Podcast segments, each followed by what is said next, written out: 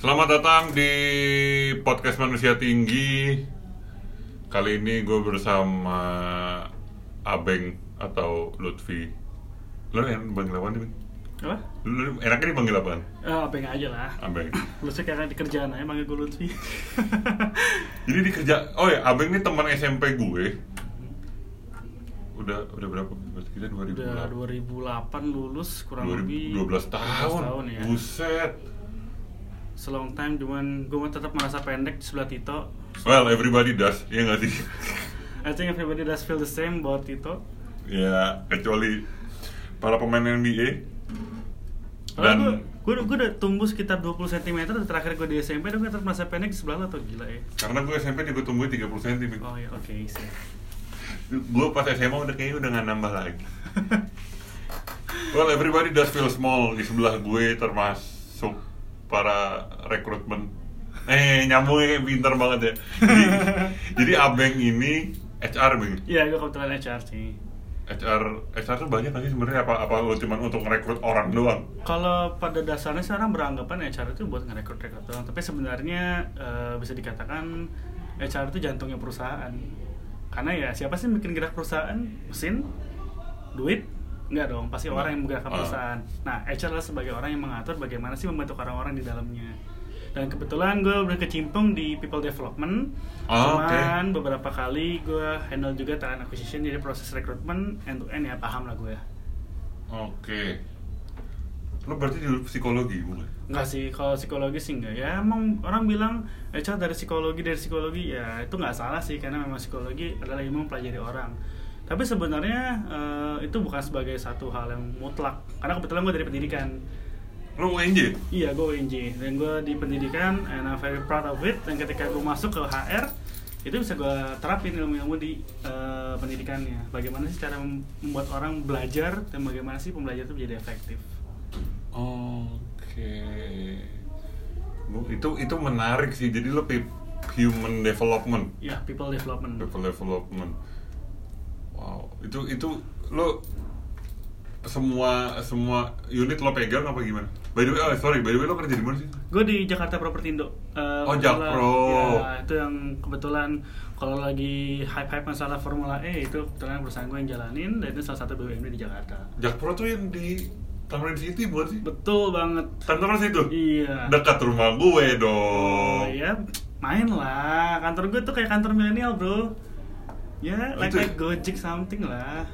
Udah ke arah arah startup startup Oh iya, dong. jelas. open space segala macem. Cuman ya orang-orangnya masih shifting lah. Biasa. Nah, itu, itu itu yang menarik adalah di luar oke di luar HR di luar HR ya Hmm. walaupun ini jadi judul utamanya tapi gua nggak gua yang gue lihat ya perusahaan-perusahaan BUMN BUMD kayak Jakpro Wika Oke. apalagi kayak apa sih banyak sih eh, ya lo sebut lah eh, yang ada di kontraktor-kontraktor tuh rata-rata Nah. BUMN sih nah itu kan di mata gue mereka kan masih kolot Mm-mm. masih masih lo kerja dengan cubicle cubicle masing-masing dan kayak ABS aja gitu orang-orangnya yo ya. Eh, sorry motong tapi memang kalau rasa sih itu bukan satu paradigma yang salah ya. Karena memang ketika kita melihat BUMN dan BUMD itu sangat kental aura-aura seperti PNS ya bukan berarti PNS jelek ya. Ya PNS yang kerja apa adanya segala macam Ah. ya kesannya tuh eh, polanya lama segala macam itu nggak salah sama sekali. Cuma kebetulan untuk di Jakpro ini eh, gue bisa mengatakan is an exception. Exception karena kenapa? Banyak transformasi semenjak gue masuk oke Ya, menarik kita melihat perubahan-perubahan yang sebelumnya kita kerja asal-asalan, Hah? kita rubah jadi lebih sistematis dan orang-orang yang tadinya eh, bahasanya apa ya mental feodal gitu ya, Iya. kita shifting menjadi mereka orang-orang yang seperti ya agile, orang-orang yang bisa menerima perubahan, but it takes a lot of time, dan sulit kan sulit banget. Lo kalau misalnya yang mesin tinggal panggil teknisi, orang lo rubahnya gimana? Apa lo tak atik palanya? Nah itulah perannya HR. Bagaimana men-shift- eh, membuat shifting ini menjadi smooth. Jadi kita membuat satu program, membuat campaign. Akhirnya orang itu merasa oke gue berubah, gue bisa agile, gue own perusahaan, gue mesti maju. Nah itulah hal yang sangat sulit sih menurut gue sih. Tapi itu challenge itu sebagai seorang HR. oke gue kira tuh yang tadi gue bilang gue kira HR hanya Rekrut. rekrut rekrut rekrut itu yang gue kira hanya seperti itu Hmm, nggak salah sih. Gue pernah ketemu sama teman gue. Bang, lo kerja di mana? Gue jadi HR. Oh, berarti lo bisa ngebaca gue dong. Hell gitu kan. Ngebaca maksudnya, iya lo tau berarti gue orang kayak gimana. Yang gue tahu dia brengsek. Oke, selesai itu aja sih. Selesainya sih, ya udahlah, normal-normal aja. HR memang memiliki kemampuan ke arah tersebut. Dia menggunakan alat tes untuk membuat orang menciptakan dirinya sendiri. Oke. Tapi poinnya bukan berarti kita bisa membaca orang.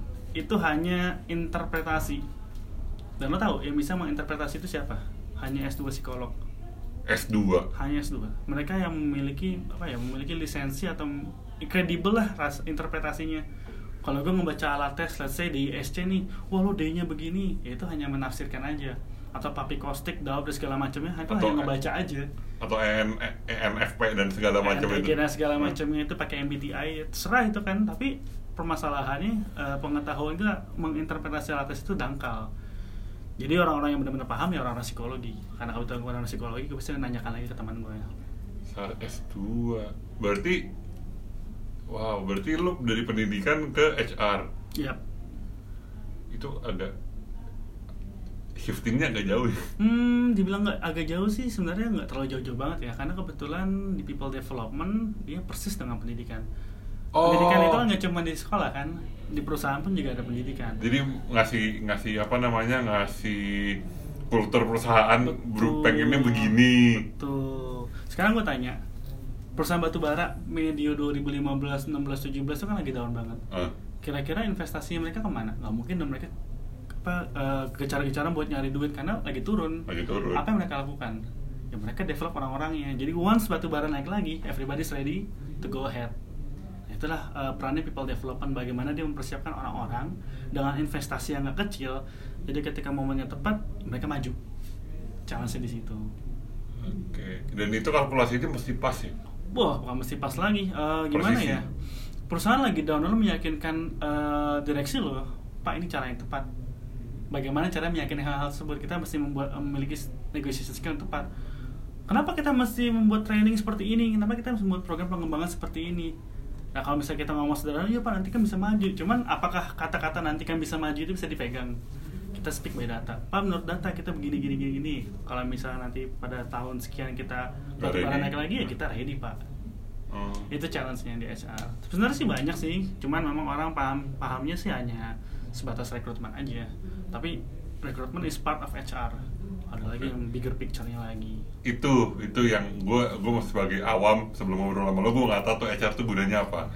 Dan banyak banyak di kayak job street dan job job lainnya itu ada. HR dan GA GA itu? Eh, kenapa HR gak banyak digabung sama GA? GA itu sebenarnya dia memfasilitas this very supporting system memfasilitas semua eh, kegiatan di kantor, eh, komputer segala macem agar semuanya bisa berjalan dengan apa? Dengan semestinya lah. Let's say kita butuh komputer, kenapa kita butuhnya kita kenapa kita mintanya ke GA? Ya mereka yang menyediakan. Karena kalau misalnya tidak ada GA, orang nggak bakal jalan, kantor Hmm. nggak bakal jalan operasionalnya. Nah kalau misalnya HR ini digabung sama GA kan jadi kendala nggak? Karena kan sebenarnya secara naturalnya berbeda. hmm. Tapi memang eh, masih banyak HR itu yang eh, tugasnya administratif. Jadi eh, mungkin load itu masih belum terlalu banyak sehingga ditempel dengan GA. Tapi di perusahaan-perusahaan besar, eh, let's say termasuk kantor gue juga, kita memisahkan sudah akan memisahkan antara HR dengan GA, tidak fair. Kenapa? Ya sebenarnya tidak ada, tidak ada alasan khusus, tapi memang agar HR bergerak di ranah strategik dan GA ngurusin yang lainnya. Kalau Oh, kantor-kantor oke. besar juga GA pasti dipisah. Gitu. oke sekarang gini bang gue ke tujuan utama Oke. HR sebagai recruiter dan apa yang apa yang lo lihat sebagai HR pas ngerekrut orang terutama ini di BUMD dulu ya di di birokrat tua. Oke. apa Eh, ap- apa yang harus dipersiapkan oleh let's say gue fresh grade untuk oh nih Jakpro Jakpro ini ada lowongan nih terus misalkan BUMN nih ada lowongan itu apa yang apa yang harus gue ekspektasi eh gue siapkan dan apa yang harus gue ekspektasi gue hadapi di pe- apa di pas interview Oke, sebenarnya sih eh, semua proses rekrutmen di tempat di perusahaan mana pun sama. Ada tes dan ada interview. Oke. Nah, sebelum dua proses ini ada proses lagi yang paling krusial, apa seleksi CV. Ah, Nah, pertanyaannya bagaimana CV lo bisa kelihatan? Oke, kita mulai dari job street. Job street kalau misalnya pernah buka yang bagian rekruternya, itu CV banyak banget. Nah, ketika lo apply, let's say dibutuhkan tiga tahun pengalaman, lo pengalaman masih 2 tahun, itu pasti bakal ke drop bawah banget. Tapi kalau misalnya masuk tiga tahun, dia akan masuk ke ranking yang atasnya. Jadi Oh. ketika lo masukin CV, masukin lamaran, itu ya, ya jangan random lah, cek dulu uh, re- qualificationsnya ketika memang masuk, baru apply. Kenapa? Itu wasting your time bro. Lo misalnya apply, pengalaman masih tiga tahun nih, dia butuh lima tahun lo apply nih, itu kecil banget kemungkinan buat dipanggil. Itu kalau misalnya udah nggak ada banget, di scroll ke bawah lagi, baru muncul nama lo tuh. Jadi otomatis nge ada ranking system itu buat di job street. Terus yang tempat-tempat lainnya di CV nggak ada standar CV yang bagus atau yang jelek. But at least jelaskan sedikit tentang kerjaan lo. Dan satu lagi apa achievementnya? Oke, Contoh misal, uh, Hmm. gue seorang sales. Achievement gue setahun setahun tahun 2019 menjadi best sales. Masukin sedikit. So it's your uh, strong point orang wah ini advantage advantage gue nih mesti gue tampilin. Jangan taruh di bawah, taruh di paling atas. Orang pasti ngeliat pengalaman kerja dulu. Selanjutnya ya mungkin beberapa melihat universitasnya, tapi itu jarang sih. Jarang. Nilai nggak? Nilai ah Nilai lagi. Ya lagi, gue nggak pernah yang nanya, oh eh, IPK lu berapa? Nggak sih sebenarnya nggak pernah. Tapi kecuali untuk program-program development kayak di itu another thing karena itu memang eh, recruiter-recruiter nyarinya top talent. Biasanya dari kampus-kampus yang big five kayak UI, UGM, Unpad dan segala macamnya. Lalu dia IPK-nya stabil dan cukup yang cenderung tinggi itu biasanya diambil. Tapi pengalaman gue sih IPK itu another thing ya Ya udah gitu aja kan. udah gitu lah IPK lo mau 12 pun juga ya udah yang penting kalau kita di HR bilang performa lo eh, masuk nggak? KPI-nya nyambung nggak? Oke, itu kan kalau yang experience, kalau yang fresh grade? Fresh grade sama. Lo punya pengalaman organisasi itu menjadi hal yang bisa lo tonjolin di CV lo. Oke. kalau mau menjadi staff tapi jangan contoh begini staff konsumsi saya menyediakan konsumsi. Nggak gitu. Selalu ada hal baik di hal sederhana yang lo lakuin. Hmm. Saya sebagai staf konsumsi saya menyiapkan makanan memastikan kondisi gizi peserta menjadi cukup sehingga orang bisa berjalan eh, kegiatannya seperti sebagaimana mestinya Hmm. jadi ada satu oke. edit value yang lo lakuin meskipun nggak benar-benar lo lakuin cuman lo mesti tampilin itu so there is always something good in everything gitu kan Ya, Jadi bawang, misalnya- itu bawang-bawang dikit nggak apa-apa lah ya. Eh, bukan bawang dikit sih hanya mengemas lebih cantik Mengemas ya di dikasih pita dikit Ya, lah. gitu jadi memang itu common lo nggak nggak nggak harus benar-benar jujur tentang apa yang lo lakuin. Selama tidak mengada-ngada. Karena lo pasti bakal di interview ketika lo di interview "Ehm, ya kelar hidup lo berarti. Oke selesai seleksi, seleksi CV dipanggil lah. Ada yang psikotes duluan ada yang interview duluan. Psikotes lo nggak perlu khawatir waduh gue nggak lulus psikotes. Bukan nggak lulus tapi belum cocok kepribadian lo terhadap pekerjaan yang ya. ditawarkan. Gampangnya yang gue cukup pahamin dikit ya karena gue bukan psikologi DISC lah lo pengen nyari seorang sales. Tapi lo ketemunya orang yang S yang steady yang dia pengen yang kayak yang gitu-gitu aja. Kira-kira cocok nggak sama karakter sales yang harus eh, Talkative. talkative, proaktif, pokoknya gencar lah. Enggak kan, berarti nyari orangnya yang iya yang mampu menginfluence orang dan ada sedikit karakter dominannya. Itu sederhana cocok-cocokannya aja. Jadi nggak di di psikotes tuh nggak ada lulus nggak lulus tuh nggak ada. Ada sama sekali. Lu mau nyari di YouTube cara lulus psikotes. Come on, man. Lo eh, bag- se- seakan-akan bagaimana cara eh, mengada-ngada diri gue biar gue cocok sama itu. Lo ya diri lo aja. Karena kalau misalnya nanti lo ditempatkan di posisi yang gak lo suka, itu tuh akan bertolak belakang sama kepribadian lo sendiri. Oh. Contoh misalnya lo orangnya cek compliance bank, pokoknya mau ikutin aja apa adanya. Terus lo bekerja sebagai seorang yang harus mema- harus eh, berinteraksi dengan banyak orang. Wah, pasti akan bertolak belakang ujungnya oleh mental. Jadi psikotes itu begitu. Ketika lo introvert tapi pekerjaan lo harus ekstrovert gitu. Ya, gampangnya begitu lah introvert dan extrovert. Tapi memang introvert extrovert ini one thing lagi sih. Beda Itu lagi. Beda lagi. Menarik sih gue gue gue kaget sama yang tadi tuh yang ternyata CV tidak eh CV-nya itu tidak penting di bagian nilai. Yep, very not important. Benar-benar ya ya udah mau sih mau IPK 12 pun dari skala 4 juga nggak ada yang peduli sekarang IPK one thing satu lagi yang paling paling banget kelihatan adalah attitude attitude lo pernah ngirim CV langsung ke recruiter ya Pernah. pasti pernah lah salah Pernah. satu poin dalam hidup lo ngirim terus lo ngirim lamaran. CV-nya doang. lamaran Tito gitu misalnya. Hah? CV-nya doang. 100% pasti di delete langsung. Alhamdulillah aku belum pernah. Ah jangan sampai. Buat para pendengar please jangan lakukan hal tersebut. Karena apa? Itu very irritating buat HR gitu. Lo S1 cuma lo ngirim lamaran sama tes itunya doang. Terus lo berharap gue manggil lo. Terus kalau nggak dipanggil lo ngomel.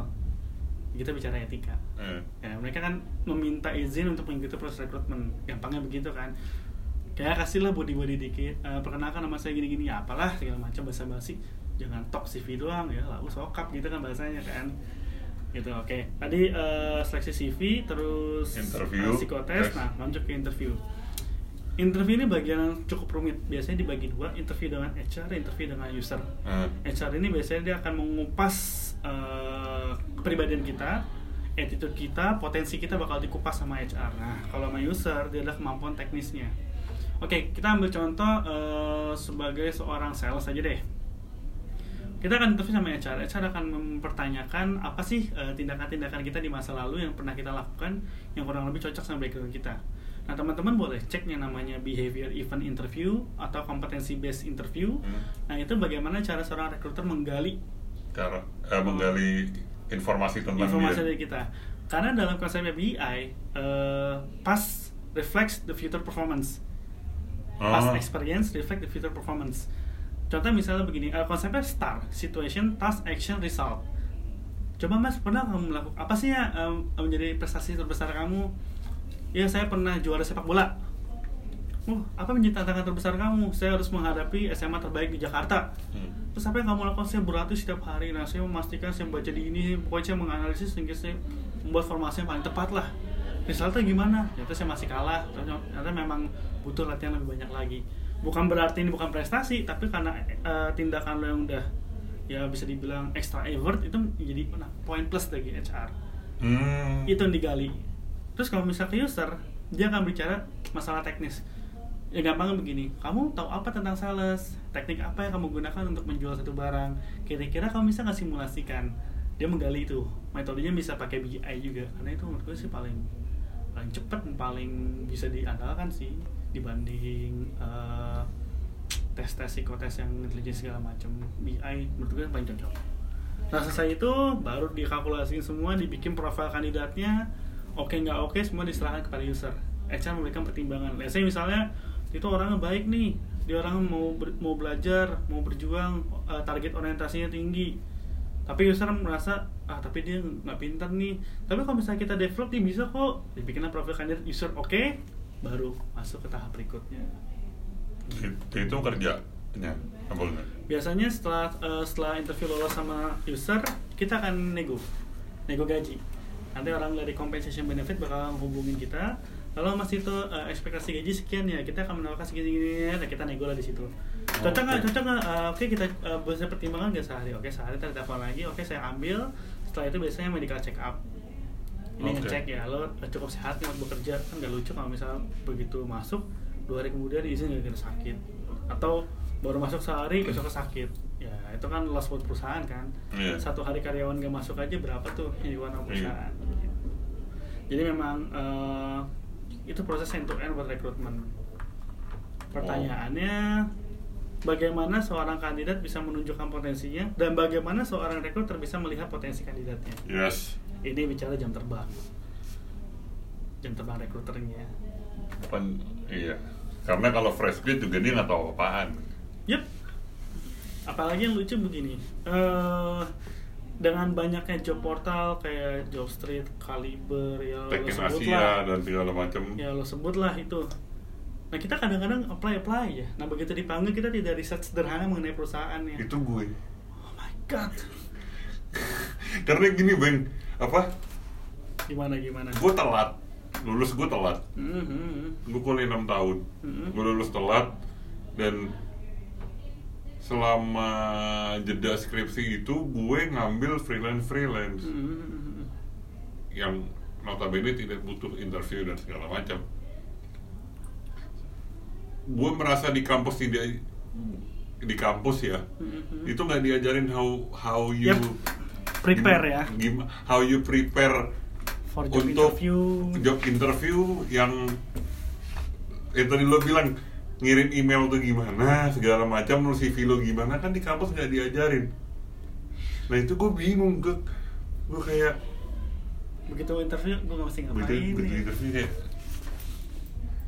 God damn, gue harus ngapain, gue ngomong apaan Maksudnya gue gini Iya gue tahu logika dasarnya jawab A jawab B jawab A jawab B kan Cuman kan ada saat yang tadi lo bilang ada saat di mana harus dikasih you put cherry on the top Ya. atau lo harus polos aja lo begitu gimana cara lo meyakinkan ketika lo yakin jawaban lo bagus dan kasih HR yang nggak suka kan nggak diajarin Hmm, hmm, hmm. itu Oke, gue mau ngebahas dua hal masalah ini nih. Yang pertama masalah lulus lama.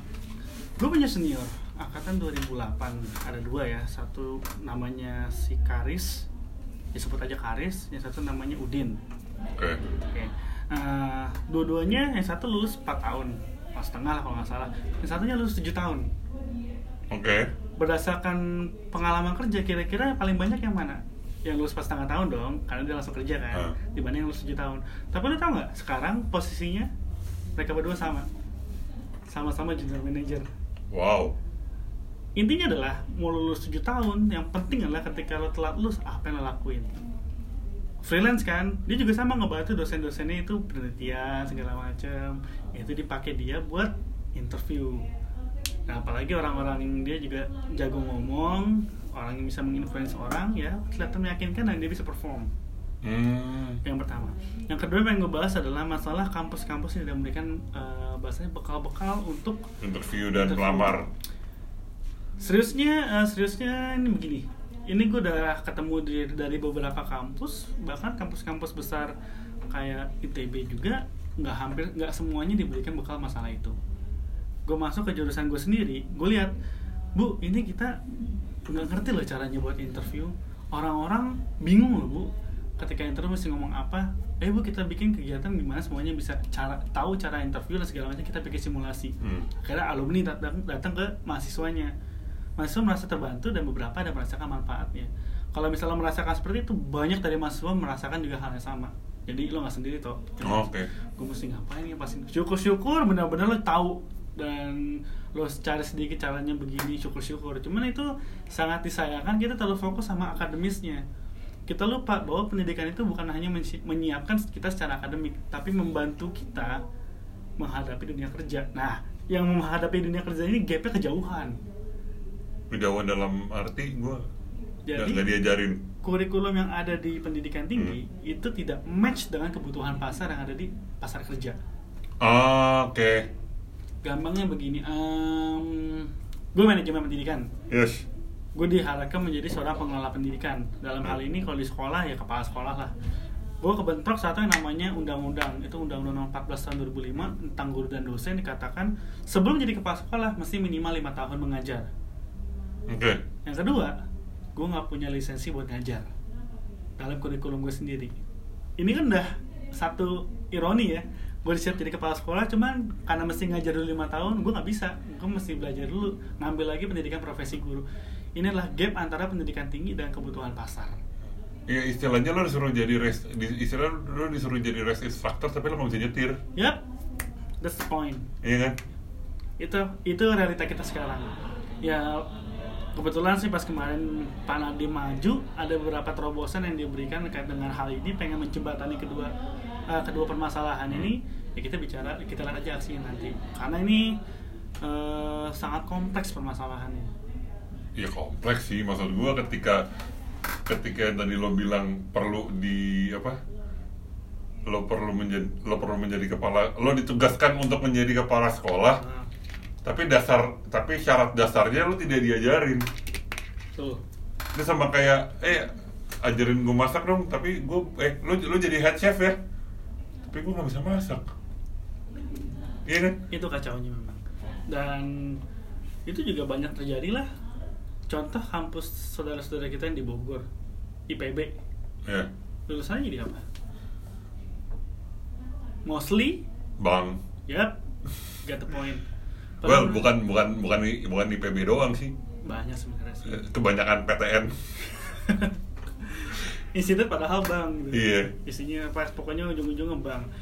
Eh, kalau misalnya mereka kalau misalnya eh, para petani para petani kita berdayakan yang mereka yang eh, lulus S1 mau turun menjadi seorang petani kita mungkin mungkin akan menjadikan negara yang maju. Cuma pertanyaannya kesejahteraan petani kayak gimana sih nah ini kan antara pasar sama pendidikan yang udah ada nih gap lagi nih. Gapnya jauh. Nah ini kalau misalnya kita ngomong kalau match ya berat, makanya itu tugas pemerintah yang utama. wow gue gak nyangka semest up itu sih. Gue kalau misalnya masuk ke dunia pendidikan itu bukan mess up lagi ya, udah kayak lo nggak kayak lo nyari nyari jarum tapi di Jerami pantai, bukan di jerami lagi di pantai. Pantai seluas itu nyari jarum satu. Lo wah, pantai jarum Iya, nyari jarum di pantai. Kenapa? Karena lo nggak bakal tahu ujuk permasalahannya di mana. Semua punya kepentingan ya. Kita bicara politik Hmm. lah, segala macam. Eh, si A maunya begini, si B maunya begini. Akhirnya yang korbankan siapa? Rakyat lagi. Buset gue kayak ini ya, kayak aktivis, kayak SJW ya. Abeng for DK, Abeng for DKI 1 Eh kata Bella kata Bella Jakarta dong. Abeng DKI 1 Anggota DPR RI deh itu memang kita benar-benar sekacau itu sih kalau masalah pendidikan. Makanya tidak banyak eh, lulusan S1 langsung terserap di dunia kerja. Karena nggak match. Iya, kan makan S1 kan pengangguran berkedok ya. berkedok intelektual. Gitu gitu habis lulus satu jadi abang gojek. Tidak tidak tidak merendahkan ya. Oke. Cuman itu seperti ironik gitu. Well, Nggak masalah sih mereka menjadi sampingan eh, driver online is their choice gitu kan. Hmm. Cuman eh, kita berharap lebih ke mereka. oh Gitu. iya, itu waktu itu yang gue rasakan waktu itu gue jobless tahun. Hmm, hmm, hmm. Gue gue lulus 2017 sampai 2018 tuh gue jobless tuh. Oke. Gue melakukan hal yang tadi lo God damn lo ngapain yang gue Job saya sehari itu 30 Tak tak tak tak Yang Gue tahu lo mungkin kesal sama gue kan? Tapi kan Beng, beng, gini Oke tiga bulan pertama gue masih milih-milih. Tiga bulan pertama gue masih milih-milih nih. Video editor eh, PR segala macam masih milih-milih nih gue nih. Pas dapet email oh, They choose not to Make a step forward gitu kayak. Oke. Bulan pertama oke sabar dulu sebulan. Santai santai nih. Dua bulan tiga bulan. Anjing. Gue ngapain? Bulan ke enam tuh udah. Ah udahlah play lah play play play play play play. Ah, anjing tapi gue gue bikin tapi untungnya gue bikin video gue bikin video dan gue dapat kerjaan nggak nggak nanya CV cuma ditanya lo mau apa enggak Eh, intinya apa yang lo kerjakan kan iya. Ya baik lagi kerjaan tuh kadang kita juga nggak tahu tiba-tiba jadi apa gitu. Datangnya dari, dari mana gitu. Ya cuman satu hal lagi yang mungkin bisa kita manfaatkan lo tau LinkedIn? Ini kan tau nah, pernah nggak mengoptimalisasi LinkedIn? Gue pernah gue pernah nyoba premium. Ya itu yang sebulan gratis ya? Iya. ada panjang ya? Gue juga pernah soalnya. Oke pernah nggak dapat tawaran kerja dari LinkedIn? Belum. LinkedIn itu kita mencari kerja tanpa kita mencari kerja udah nggak kehitung berapa banyak yang nawarin gue kerjaan dari LinkedIn Hello Lutfi, we are from ini we got some new opportunities for you. Would you like to discuss? it?" Serius? Yes, serius. LinkedIn tuh kayak Facebook sebenarnya kan Iya, orang lebih Facebook cuma isinya orang-orang profesional lah gitu bahasanya. Lo percaya nggak? Dan kita tidak tahu bahwa ada satu aplikasi yang sepowerful itu buat ngebawa, ngebawa karir kita. Wah, gue bikin LinkedIn, gue pakai premium, cuman gue connectionnya milih-milih. Cara yang pertama, bikin LinkedIn. Cara yang kedua, lengkapin semuanya. Udah. Sampai apa, riwayat kerja masukin tuh apa yang lo kerjain, achievement, kayak CV lah intinya lah. Setelah itu, langkah yang ketiga, add semua recruiter. Add, add, add, add, add, add, add, add, add, add. Banyak mungkin. Ribuan rekruter lo Ya, add-add bisa ini. add aja semuanya lah. Nah, kenapa kita add recruiter? Karena mereka yang biasanya mencari. Dan yang kedua, ketika nanti mencari satu posisi ter- tertentu, kita ada di ranking yang paling atas karena teman kita recruiter semua. Visibility kita meningkat. Dan itu memper eh, memper mem- bukan mempererat meningkatkan eh, kemungkinan kita dicari dan kita dikontak. Pantas kemarin gue beberapa kali nerima email dari LinkedIn. Your name was in search, in search for few times in the last berapa hari. Yap. Oke Oke, itu satu. Yang ketiga, eh itu tadi tiga. Yang Empat. keempat, ada skill kan di LinkedIn kan. Ya. Eh, tuliskan skill kamu.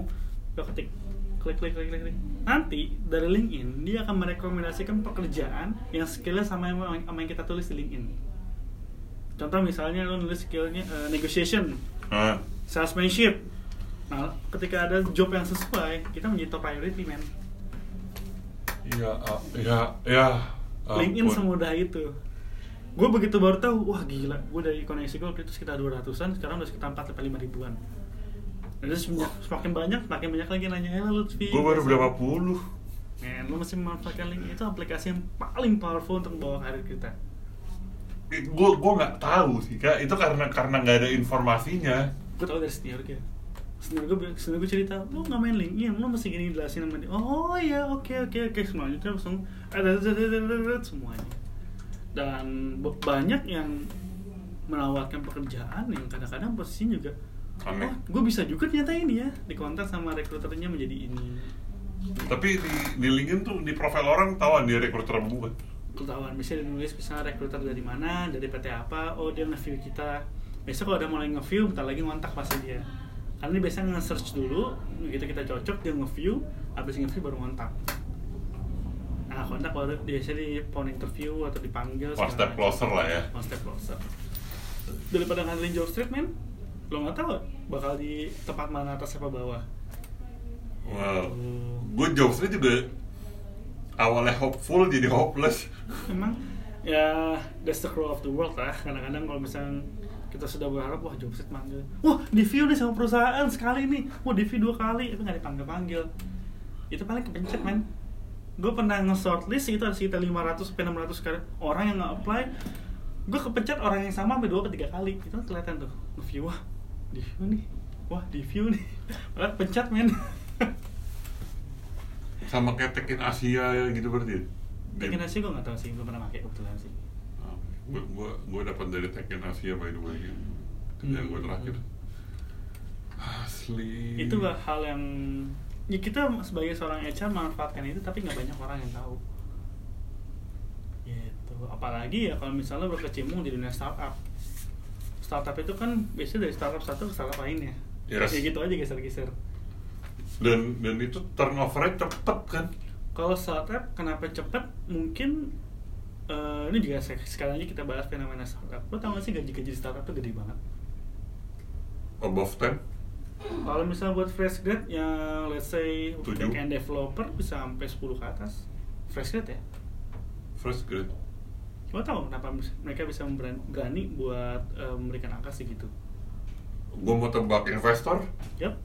Mereka Hmm. kan mereka kan ditarget tuh untuk mengembalikan dana investor. Hmm. Caranya untuk membuat uh, perusahaan yang perform, lo mesti diisi sama orang-orang terbaik. Betul. Orang-orang terbaik bisa diseleksi dengan angka yang juga pasti tinggi. Orang ya bukannya kita membandingkan angka, cuman orang yang angka-angkanya udah tinggi biasanya uh, returnnya juga tinggi. Kayak let's kita ambil semuanya gede. Nah mereka berharap ketika mereka masuk, ya mereka perform. Ketika perform, perusahaan lebih maju. Ketika maju, membalikin dana ke investor, bisa berkembang segala macamnya. Tapi, ingat startup itu cuma eksperimen. Lo dikasih duit Hmm. buat eksperimen. Banyak nggak startup yang kolaps? banyak Kalau gue gue lupa dengar dari siapa, tapi memang ada menyatakan startup itu dalam salah satu bidang ujung-ujungnya cuma dua yang bakal survive. Uber, Gojek, Grab. Uber Sisa- pun collab Uber collapse. Gojek sama Grab sisanya. Habis itu yang e-commerce. Bukalapak, Shopee. Tokopedia, OLX segala macam. Sekarang Bukalapak boy ya. OLX nggak tahu, minatnya kayaknya nggak terlalu banyak yang kayak dulu. OL, OLX enggak Sekarang tinggal Tokped sama Shopee. Dan mereka aja masih yang dua. Lazada hilang Lazada nggak terlalu kedengeran juga sih. Yang hits-hits itu kan eh, Tokped dengan BTS-nya, Shopee dengan Krisno-nya, ya lu tahu kan. Mereka bisa survive segala macamnya. Kalau di startup itu lo, lo sebagai bagian dari eksperimen lo dibayar mahal dalam mesti return mereka secepat-cepatnya. kalau orang-orang bilang namanya high income trap High income trap. trap jebakan penghasilan tinggi lu habis dari startup main lu ke korporasi itu turunnya bisa sekitar 30 sampai 50 persen Serius lu? fresh grad di korporasi ya untuk level-level junior entry paling 6-7 juta lah Ya. Di startup bisa 10 juta sampai 12 juta. Begitu masuk korporasi anjing gaji kecil banget. Mau nggak kira-kira? Nggak mau lo pengennya yang sama minimal. Orang mana ada sih pindah perusahaan pengen yang lebih rendah? Turun. Ya. kecuali ya rumahnya lebih dekat apa gimana itu beda cerita. Nah ini yang jadi disrupsi nih. Dari korporasi juga bingung nih kita pengen cari talent juga nih. Sementara talent semuanya ke startup. Bagaimana caranya narik mereka ke company kita? Digubah lah perusahaannya branding segala macem ini challenge buat mereka. Jadi jangan sampai orang-orang startup ini nggak dapat kita orang korporasi. Gitu. Tapi ya memang Iya sih korporasi memang gajinya jauh sih. Ya kalau dibanding startup. Tapi lebih settle. Korporasi ya. Karena bisnisnya jelas. Ya, let, let's say deh yang gampang Grab, eh Gojek sama Blue, Bluebird Mhm. drivernya Bluebird kan lebih terjamin Yap. mobil nggak usah beli lu tinggal turun tapi gajinya nggak sebanyak gokar kalau tiap hari jalan Iya. Gampangnya begitu. Itu kan sebagai mitra ya. startup gue nggak nyangka startup beneran smash up itu sih dan startup tuh selesai bakar duitnya kapan Bing? lo tau nggak Em, mereka ada target buat break even point kan. Pasti setelah mereka pitching terus investor ngasih dana, mereka sudah memberikan proyeksi kapan bisa balik setelah bisnisnya jalan. oke Nah, berbeda banyak tergantung bisnisnya juga sih. Kalau misalnya memang investnya kecil dan returnnya lebih besar ya beda cerita. Ada juga yang investnya gede tapi baliknya bisa sekitar 10 tahun ke 20 tahun. Jadi itu eh, beda-beda. Kita tidak bisa menitik eh, menyamaratakan semuanya bakal balik dalam lima tahun nggak juga sih. Karena sampai dengan saat ini OVO pun masih bakar uang. Gojek juga Gojek masih bakar uang. Cuman Gojek ini kan udah agak stable ya ya dia mulai berben- udah mulai kebentuk semacam korporasi kalau misalnya di Amerika itu kan kayak Google Google Oh. itu dia ada startup startup kecil tapi cuman sekitar 40% yang benar-benar bisa survive jadi bikin project startup paling dari 10 project 4 yang masih survive. Nah 6 ini nggak nggak dilanjutin. Orang lain lihat ngembangin orang lain itu sukses dibeli lagi sama Google. Oh. Banyak orang-orang Google ngembangin uh, project Google yang gagal terus dibikin sendiri dia sukses dibeli lagi sama Google. Well worth the risk sih. Ya WordPress dengan money sebanyak itu. Hmm. no itu sih buat Google lah itu itu uh, Spot Spotify sama Netflix tuh masuk nggak tahu sih kayaknya startup hitungan startup. Cuma nggak tahu di- dibeli sama siapa. Nggak tahu investornya siapa. Tapi Netflix itu gokil. Kayak dari awalnya awalnya men- menyaingin blockbuster yang nyawain DVD DVD tapi kan wow Google karena startup itu dituntut uh, out of the box. Jadi proses bisnis yang panjang Hmm. dipotong sama startup nah ketika memang benar-benar bertemu antara needs-nya uh, customer barulah startup bisa goyang eh bisa maju hmm. jadi startup juga nggak bisa ngawang ini masih jelas marketnya siapa needs-nya apa apa yang bisa di deliver added value-nya apa baru bisa survive Oke, gue gua, gua menarik sama yang tadi omongan lo yang need out of the box. Ketika semua hal sudah out of the box, udah diambil, hmm. Berarti udah nggak ada start, nggak bakalan ada startup baru dong. Lu tahu satu frasa nggak? When better is possible, good is not enough. There is always room for improvement. Jadi jangan lo pikir, oh semuanya udah, udah di handle semua sama startup nih. Bakal ada startup baru lagi yang nge startup, startup yang lama. Itu polanya bakal seperti itu. Oke, gini, let's say deh ya yang paling gampang, Gojek Grab, Hmm. Gojek Grab. Kalau di Indonesia ada ada apa tuh yang yang on, online online juga gagal. Iya banyak Blue banyak Jack, segala Gojek macam. segala macam. Kalau di di Eropa ada Lyft, Mhm. Lyft Uber. Kalau di Cina tuh ada Uber sama apa gitu. Nah ini kan maksudnya kalau di Indonesia kan Gojek dan Grab udah megang ada yang masuk baru kan masih kepental ya nah pertanyaan gue ketika ketika ada si satu raksasa ini kira-kira bakal keganggu nggak sama nah itu oke kita bicara eh, realnya di DKI lah. Ya waktu itu Pak Anies pernah bilang begini kalau lo membangun sebuah kota untuk jalanan dan mobil lo akan mendapatkan jalanan dan mobil. Yes. tapi kalau misalnya membangun kota untuk orang dan ruangan lo akan mendapatkan orang dan ruangan. Lo bisa membayangkan nggak? Membayangkan nggak? Nantinya orang-orang DKI ke mana-mana itu pakai sepeda.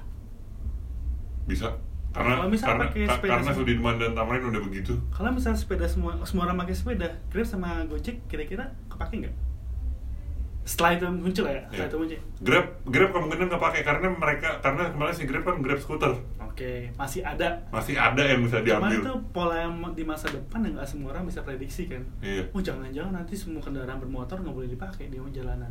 Apa yang bisa dipakai ya? Beda. Beda. Kira-kira ke disrupsi lagi nggak tuh? Oh, po oh iya pol oke ya Jadi ya karena bener-bener. perubahan dari pemerintah juga kenceng, nah startup juga akan bermunculan lagi. Kalau misalnya pernah dengar satu startup di Cina itu udah gede banget, itu penyewaan sepeda. Gue lupa namanya. Gua tahu, gua tahu, Oil. gua tahu, Tahu kan? ya. Yang warna kuning. Dia hanya gara-gara miskalkulasi dan terlalu pede dengan ekspansinya ke luar negeri, akhirnya kolaps. Oke. Kalau sepedanya 10 juta unit itu nggak diapa-apain, disita karena mereka karena mereka tidak bisa mengembalikan dana dari investor. 10 juta sepeda Unit ya, all over the world. Oh, di Cina aja, Cina sama negara Eropa beberapa kalau nggak salah. Buset 10 juta sepeda. Nah, itu nganggur, akhirnya dia kolaps, orangnya nggak boleh ke mana-mana, mesti stay di Cina. Itu over expansion kan. Hmm. Nah, kalau misalnya tiba-tiba di satu negara memang nggak boleh ada negara apa nggak boleh kendaraan bermotor sama sekali, kira-kira itu startup bakal muncul lagi nggak? Gue yakin bakal muncul lagi. Banyak kan negara kayak di Finland, Belanda, semua orang pakai sepeda. Iya, Belanda. Pertanyaannya, apakah Indonesia akan ke sana? Mukanya enggak deh, tapi bukan nggak mungkin. Gue bisa melihat Indonesia kayak gitu, tapi hanya di beberapa kota. Ya, Gue gue tau nih, gue salah. Gue gue gue mau nyebut kota Bali, Malang, mm-mm. Jogja, Solo, Surabaya, Bandung. Itu bisa banget. Dan gue nggak tahu ya ini gubernur selanjutnya gimana. Tapi kalau kalau langkahnya Pak Anies diikutin, yang trotoar dibagusin, soalnya kan PU kan cuma ngurusin GBK tuh. Ya, Kalau kayak Sudirman Tamrin, Kemang itu dibagusin lagi banyak. Gue bisa melihat Jakarta kayak Amsterdam. yep. There's always uh, possibilities kan. Iya. Dia mau ngarah ke sana, cuman ya balik lagi kita masih mungkin agak lama. It takes a lot of times. Well, at least 20, 25. Ya, maybe lah. 25 years. Tapi masih oke lah, masih ada kemungkinan hal tersebut. Karena sebesar apa pun jalanan, mobil bakal penuhin ke jalanan. Dan you know what? Begitu ganjil genap diperlakukan, kayak wah berarti kita bayar pajak setengah aja dong. Permasalahannya adalah bukan mem- bukan memotong hak ya. Ini kan kepentingan umum. Yes. Kalau semua orang naik kendaraan umum, bagus semuanya, kira-kira macet masih ada nggak sih? Ya, insya Allah sih nggak ada. Insya Allah ada. Ada, cuman mungkin nggak sebanyak sekarang. Berkurang lah. Berkurang. Iya sih. Kan banyak MRT ada, LRT ada di Jakarta. Buat apa? Ya buat ngatasin macet. Oh, speaking of macet ya. Lo masih inget bagus gak sih sama Ganjar? Bagus. Ba eh enggak si si Ganjar enggak enggak bagus sama Ganjar kan. Bagus sama Ganjar kan rumahnya dekat dari dari Cempaka Putih. Bagus di Mardani, Ganjar ya Cempaka Ya. Putih. Kebetulan si Bagus kan satu kuliah sama gue satu kelas. Mhm. Gue tanya, Gus, lo kenapa nggak naik busway aja? Lo kenapa bawa motor, bawa mobil? Kalau busway-nya dekat rumah gue, aksesnya gampang, gue naik busway tuh ke kampus. Itu, macetnya enggak. Cuman akses ke Busway-nya. busway-nya Iya. itu. Itu, Ah. itu, itu apa ya? eh, masalah semua gubernur nggak sih? Betul banget. Tapi lo tau nggak bulan Febru eh, Februari kemarin tanggal 13 sampai tanggal 12 Transjakarta mencapai 1 juta. 100 penumpang sehari. Tahu? Sorry, bukan satu juta satu. Bukan lebih dari 1 juta lah. Satu juta seribu. Ya sudah ya. Gua nggak tahu Ya, pokoknya. least sejuta lah. Itu satu achievement mereka Iya. pertanyaannya apa mereka kan bukan akhirnya bukan cuma di jalan busway-nya aja tuh tapi Hmm. ada feeder busnya Ada feeder bus, ada Gitu. Jaklingko yang angkot. sehingga semua orang-orang yang pengen naik eh, Transjakarta cuman kejauhan ke haltenya diangkut sama ini feeder bus Hmm. ini satu inovasi Betul. Dan mungkin pada saat bagus bilang kayak begitu kebetulan belum ada, Belum ada. gue pasti Kemang ya Kemang jalan sempit ya sekarang ya cuman yang muat dua jalan tapi ada feeder busnya 6M ya? Eh, pokoknya udah itu gede tuh feeder bus. Yang low deck kan? ya akhirnya gue naik ke blok M dari blok M tinggal ke kantor emang mereka nggak naik motor sih karena males karena gue bangun siang kan soalnya Itu problemnya. Tapi maksud gue gini dengan dengan si BPTJ sudah melakukan seperti itu, hmm. it's a good thing. yep Jangan sam jangan sampai gubernur atau bahkan presiden mengacaukan itu itu nyari perkara. ya kalau kita ngelihat eh, gue sempat ditunjuk di Instagram yang Transjakarta juga ada jadi jumlah penumpang per hari dalam satu tahun itu eh, kita termasuk diagramnya ada peningkatan terus ada penurunan terus peningkatannya gede lagi jadi gue bisa menangkap kan medio 2015an tuh dia turun lagi tuh dari tahun sebelumnya Busway. Transjakarta nah Hmm. terus sekarang udah naik lagi berarti gue ada indikasi oh berarti Pak Anies eh, gubernur sekarang untuk pemerintah dia pengen semua rakyatnya eh semua penduduk DKI Jakarta beralih ke kendaraan umum. Well, bener. cuman balik lagi men kalau misalnya Jakarta aja Hmm. itu kita keberatan dong kesulitan. Kenapa? Karena daerah penunjang belum ikutan. Depok Bogor Bekasi Tangerang segala macam. Bekasi sih, Bekasi Bekasi Tangerang sih. ya itu mesti mereka ikut ikut bareng-bareng. Biar apa? Biar sama semua polisinya semuanya sama dan semuanya naik angkutan umum. Ya gue nggak hilang harapan lah buat Jakarta lah. Gue juga enggak. Karena gelontoran duit paling banyak di sini. Berapa 60 triliun setahun? apa tuh APBD? PBD iya segitu 60 Paling triliun. gede kan paling gede di semuanya. Ya udah, Bang. Eh closing eh, apa namanya? Tradisinya adalah closing dari bintang tamu. Terserah lo mau ngasih apa pun. Anything. Oke, eh, karena temanya di HR, sebenarnya gue ucapkan terima kasih tadi undang buat ngisi podcast ini. Buat teman-teman jangan terlalu kecil hati berkaitan dengan dunia kerja. Dunia kerja nggak seabstrak itu, tapi memang eh, banyak elemen of surprise di kerjaan. Lo bisa memulai kerjaan lo di eh, sebagai seorang teknisi dan berakhir sebagai seorang direktur HR.